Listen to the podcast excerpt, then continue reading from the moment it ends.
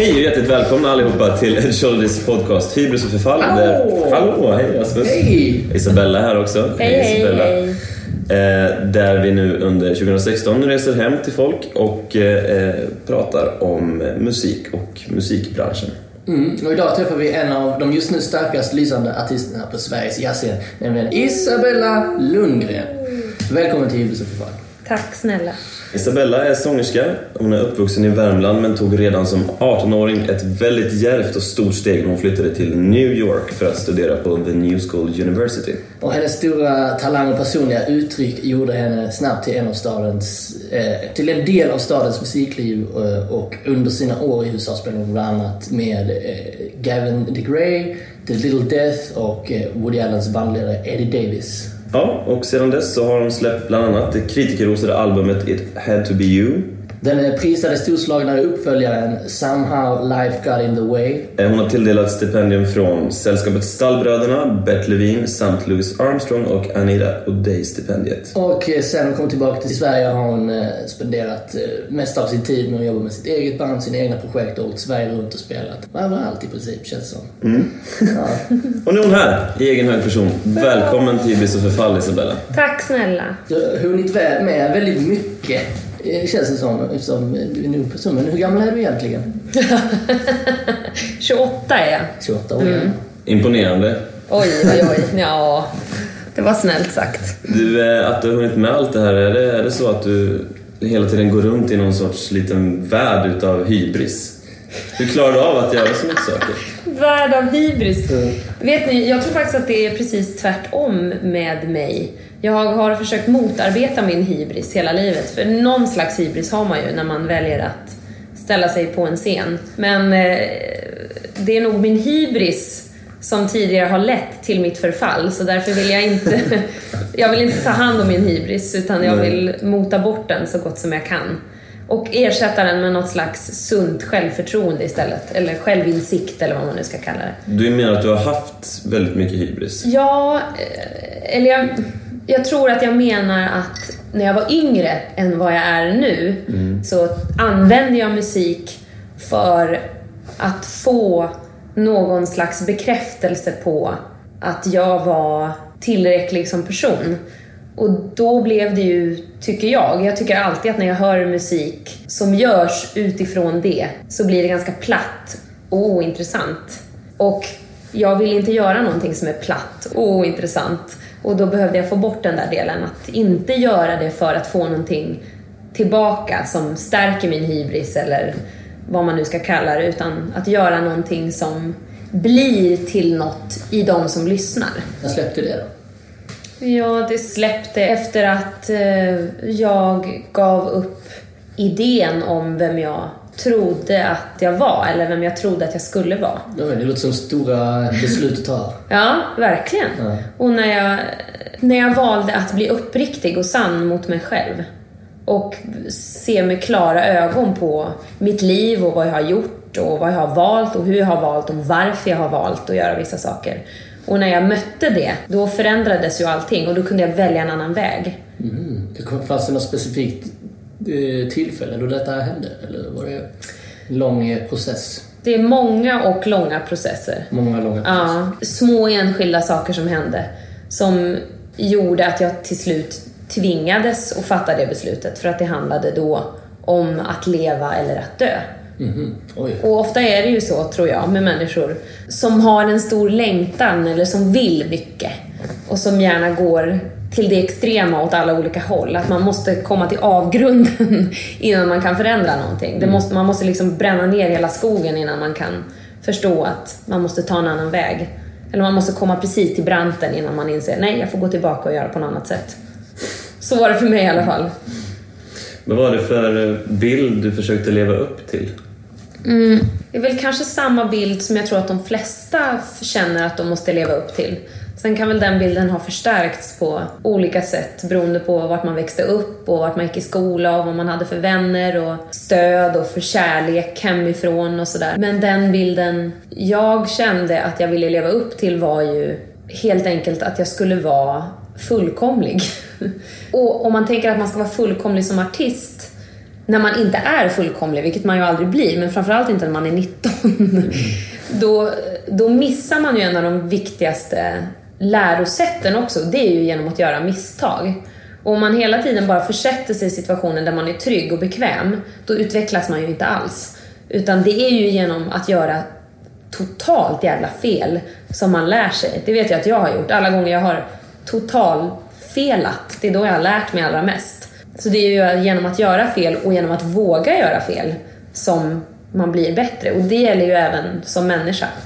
Att våga ta de där riskerna, som ju är väldigt läskiga, men som är nödvändiga för att bli bra och mm. bli en bra person också, tror jag. Så det är när du står inför branten som du känner, det här lär mig någonting av? Ja, precis så. Har du några exempel, alltså vad du har eh, gått igenom som gör att du har fått ställa dig på branten sådär? Uh, för vi vet ju att du åkte tidigt till New York liksom, redan som mm. 18-åring. Vilket mm. om jag skulle sätta mig i den situationen så skulle jag vara fullständigt livrädd. Men de säger då att New York är ju jazzens huvudstad. Mm. Så hur var det där? Vad, vad fick du ta det beslutet? Jag menar, det är ett oortodoxt beslut som 17-åring i Karlstad. Mm. Men jag tror att det var det att jag tänkte aldrig att det var ett stort beslut, utan det var bara helt självklart för mig att åka. Jag var varken rädd eller nervös för hur det skulle gå, utan jag ville göra så bara och då gjorde jag så.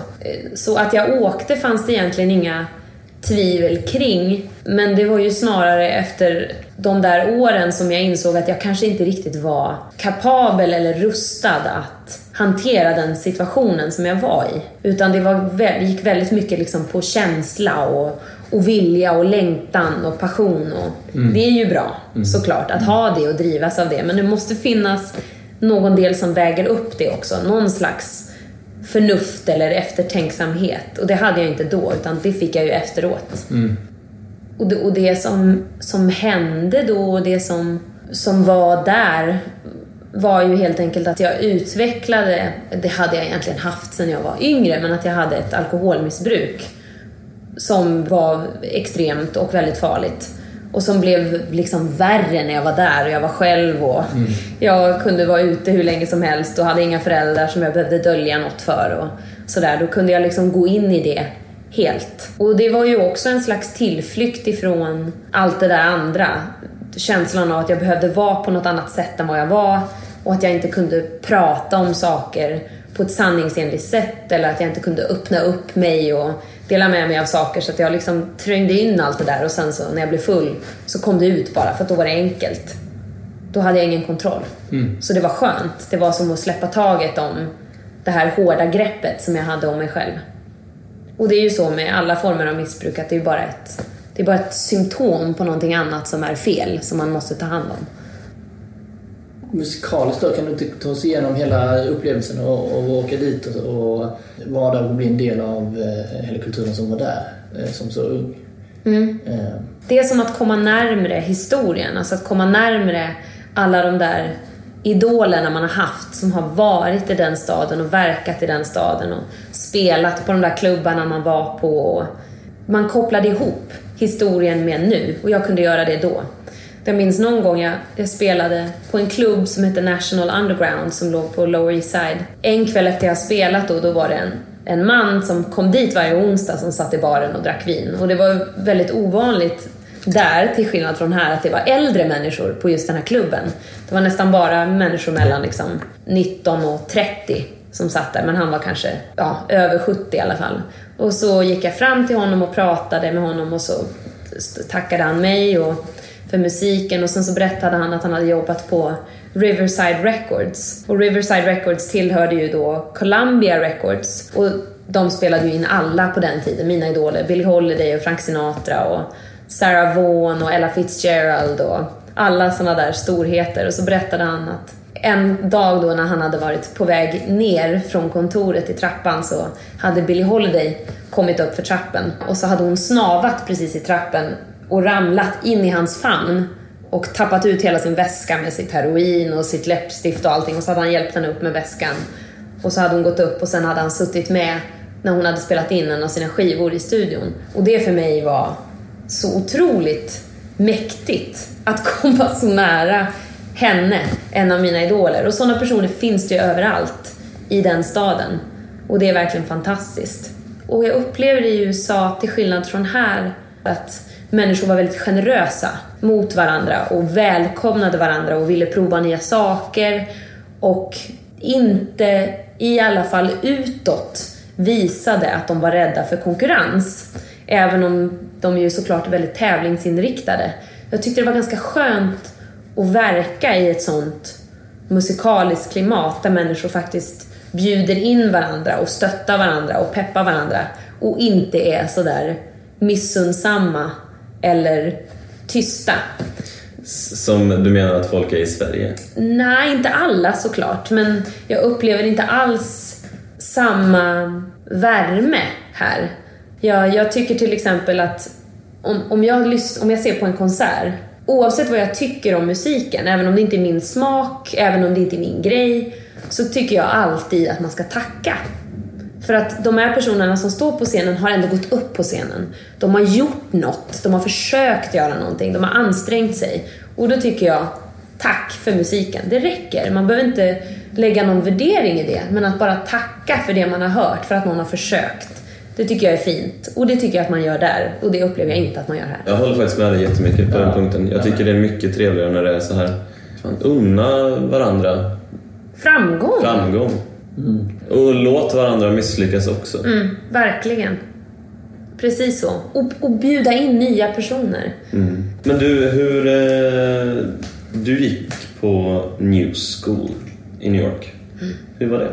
Det hade nog varit bra om jag hade förvaltat den tiden som jag hade där, men det gjorde jag absolut inte. Nej. På något sätt. För att jag var fokuserad på andra saker och var alldeles för stökig och ofokuserad då. Var det någon dröm om att leva ett, ett riktigt jazzliv?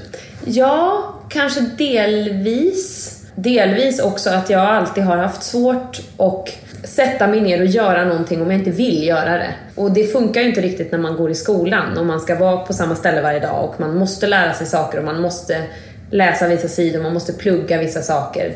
Jag behöver göra som jag vill, när jag vill. Och därför så funkar det inte för mig att lära mig i, i alla fall musik, på en institution på det sättet. Idag så kan jag ju ångra att jag inte gjorde klart för att det finns det finns ju kunskaper hos mig som är bristande. Det finns ju verktyg jag inte har tillgång till.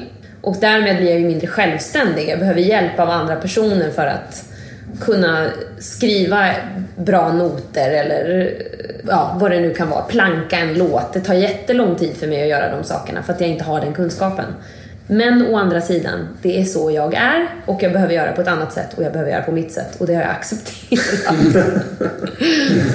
så är det. Det låter ju faktiskt eh, underbart. Ja. Vad var det Magnus Lindgren sa? Låt oss göra det vi är bra på och ta hjälp av andra med det vi inte kan. Amen. Amen. Amen. Men vad, vad är egentligen New School? Vad gör man där och, och varför går man där? Ja, New School är en musikhögskola helt enkelt som ligger i New York och de har en jazz, ett jazzprogram.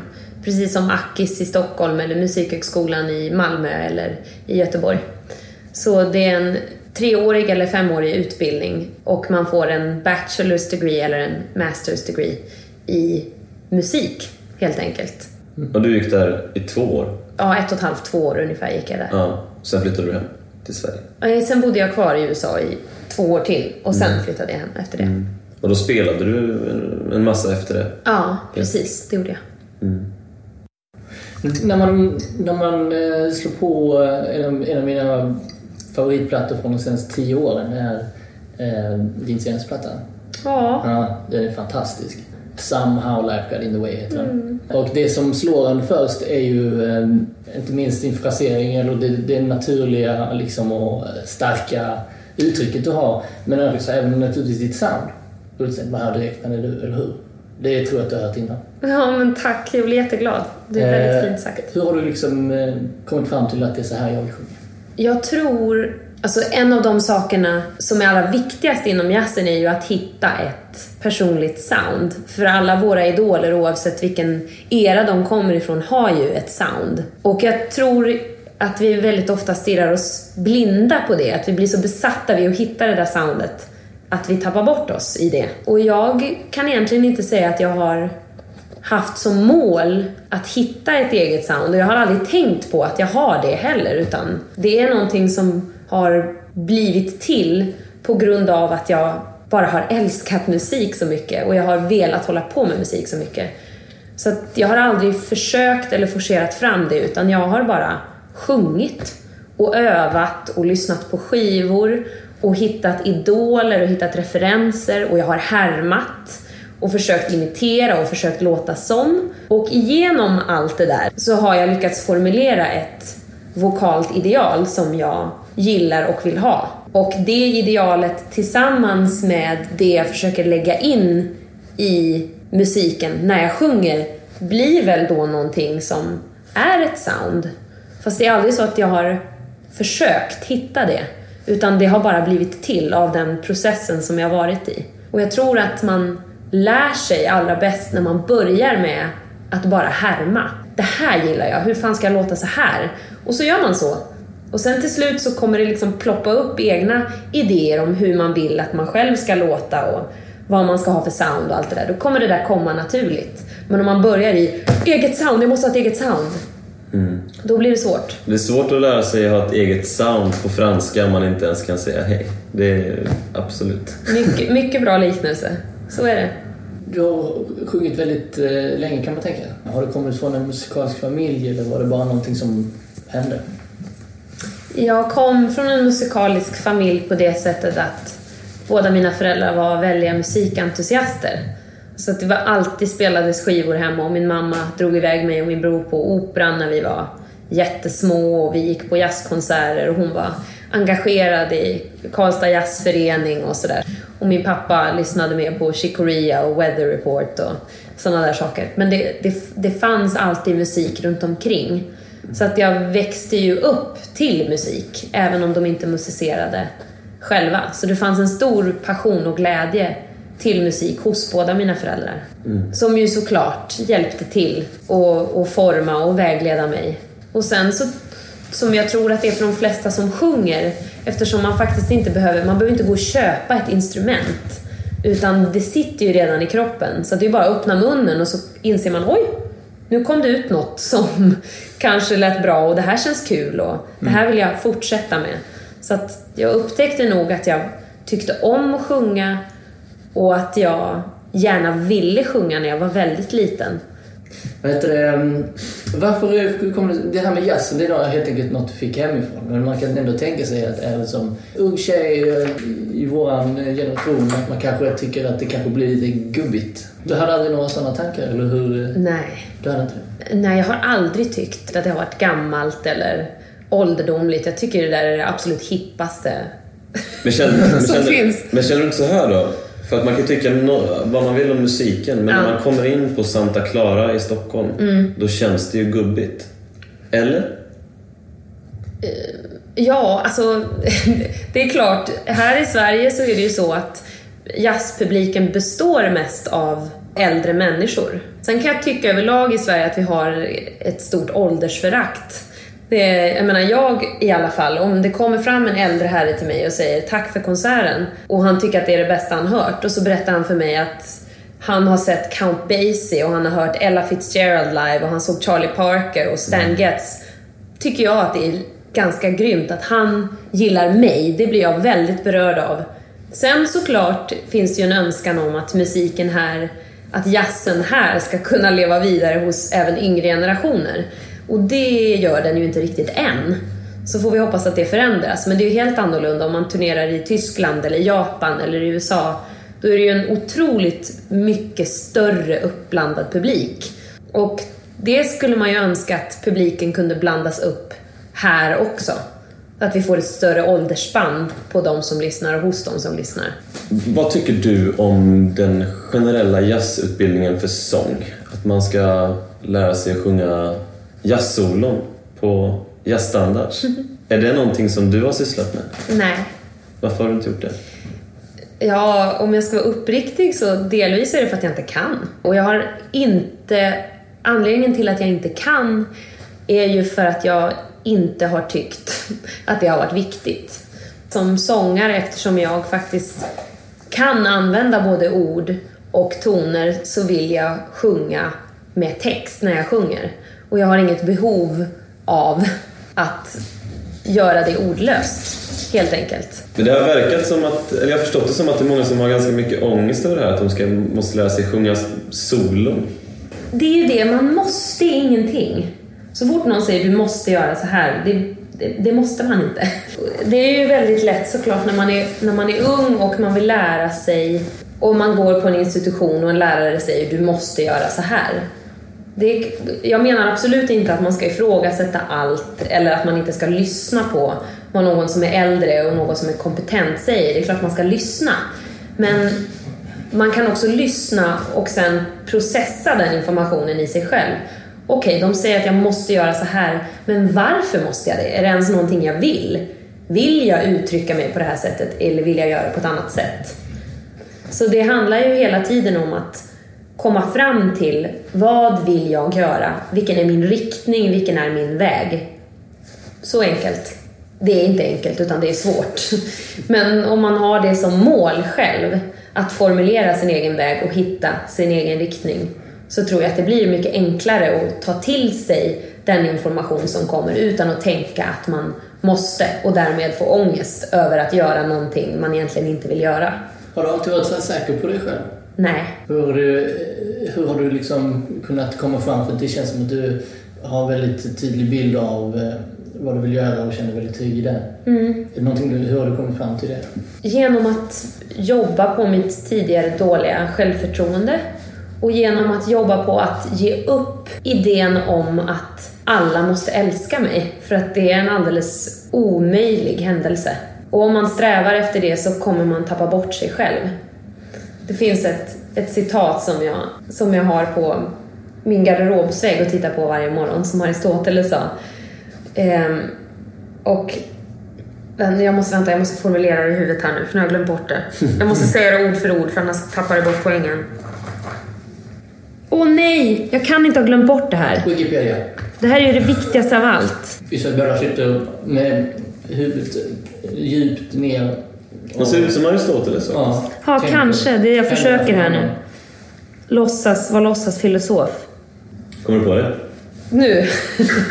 Efter mitt kom men. The only way to avoid criticism. Do nothing, say nothing, be nothing. Så om man inte vill att någon ska ha en åsikt om det man gör så kan man inte göra någonting. Och det var ju till slut där jag hamnade. Jag minns när jag skulle ge ut den här första skivan. Då var jag inte alls så trygg i mig själv eller litade på min egen förmåga eller tydlig i vad jag ville. Och då minns jag, innan den skulle släppas, två veckor innan, så låg jag bara och grät. Jag hade sån ångest. Jag ville bara ringa och säga nej, ge inte ut den, ge inte ut den, jag vill inte. Och, när jag liksom, och i början så läste jag alla recensioner. Alla recensioner på alla konserter och så fort det var en liten grej som någon inte gillade, total panik.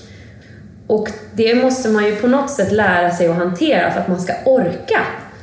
För att man ska orka och för att man inte ska ta varenda sak på så stort allvar och för att man inte ska ta in varenda sak händer och börja ändra på sig så fort någon säger någonting om hur man gör. Så det är verkligen ett, ett hårt arbete som man måste göra med sig själv. Och det är klart, det är fortfarande så att jag kan bli ledsen och tycker att det är jobbigt om någon har en åsikt om det jag gör. Framförallt om man har lagt ner mycket tid och hjärta i det och så är det någon som bara skiter på det. Det är jättehemskt. Men, men man får lära sig att leva med det i den här branschen som vi har valt. Det är svårt. Mm, det är svårt. Framförallt när man ställer sig på en scen och verkligen gör sig själv till ett slags allmängods. För så är det ju. Mm. Och även publiken har ju åsikter och tycker saker. Mm, du borde ha kjol, eller du borde inte mm. göra så, eller du borde prata mer om det, eller du borde inte säga sånt, och du borde sjunga så, och du borde göra det. Och... Gud, man blir helt utmattad om man tar in allt det där. Jag blev det, jag orkar inte. Ja, men alla i hela världen, alltså, man kan ju tycka 50 miljarder grejer bara, bara någon frågar en om vad man tycker. Ja, så tycker är det. alla någonting. Precis. Och alla har rätt att tycka någonting också. Mm. Det är det. Man kan inte ta ifrån andra människor sin rätt att tycka heller. Men man kan välja hur man processar det. Och man kan välja också när man inte vill höra det. Man kan välja att inte läsa recensioner. Det gör inte jag längre. För att jag vet att om jag läser en bra recension och tar in det då kommer jag ta in det negativa lika mycket. Och så är det klart att det är viktigt vad de som lyssnar tycker, annars skulle man ju inte stå där heller. Det är ju viktigt. Men man kan välja hur mycket av det man ska ta in. För det är också så att det skymmer ens egna riktning, vad andra tycker om det man gör. En svår balansgång, hela tiden. Skriver du någon egen musik, egna låtar? Ja, det gör jag. Kan du ta oss igenom den processen? Min utgångspunkt när jag skriver är att jag är alldeles övertygad om att musik är ett av de absolut mest effektiva sätten att kommunicera på. Eftersom man med hjälp av tonerna kan förmedla väldigt starka känslor och en stark stämning av någonting. Plus att man har orden. Och då kan man faktiskt kommunicera en konkret, tydlig idé om någonting. Och då vill jag att den idén ska vara meningsfull eller viktig eller väsentlig på något sätt.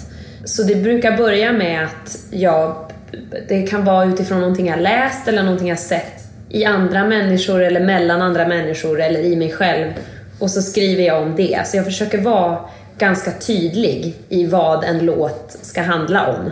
Och sen skriver jag mycket med en av mina bästa vänner som heter Kalle Bagge som är pianist. Så vi skriver mycket tillsammans. Jag skriver en text och så ger jag den till honom eller så skickar han musik till mig och så skriver jag text till det eller så skriver jag text och melodi och sen så arrangerar han det.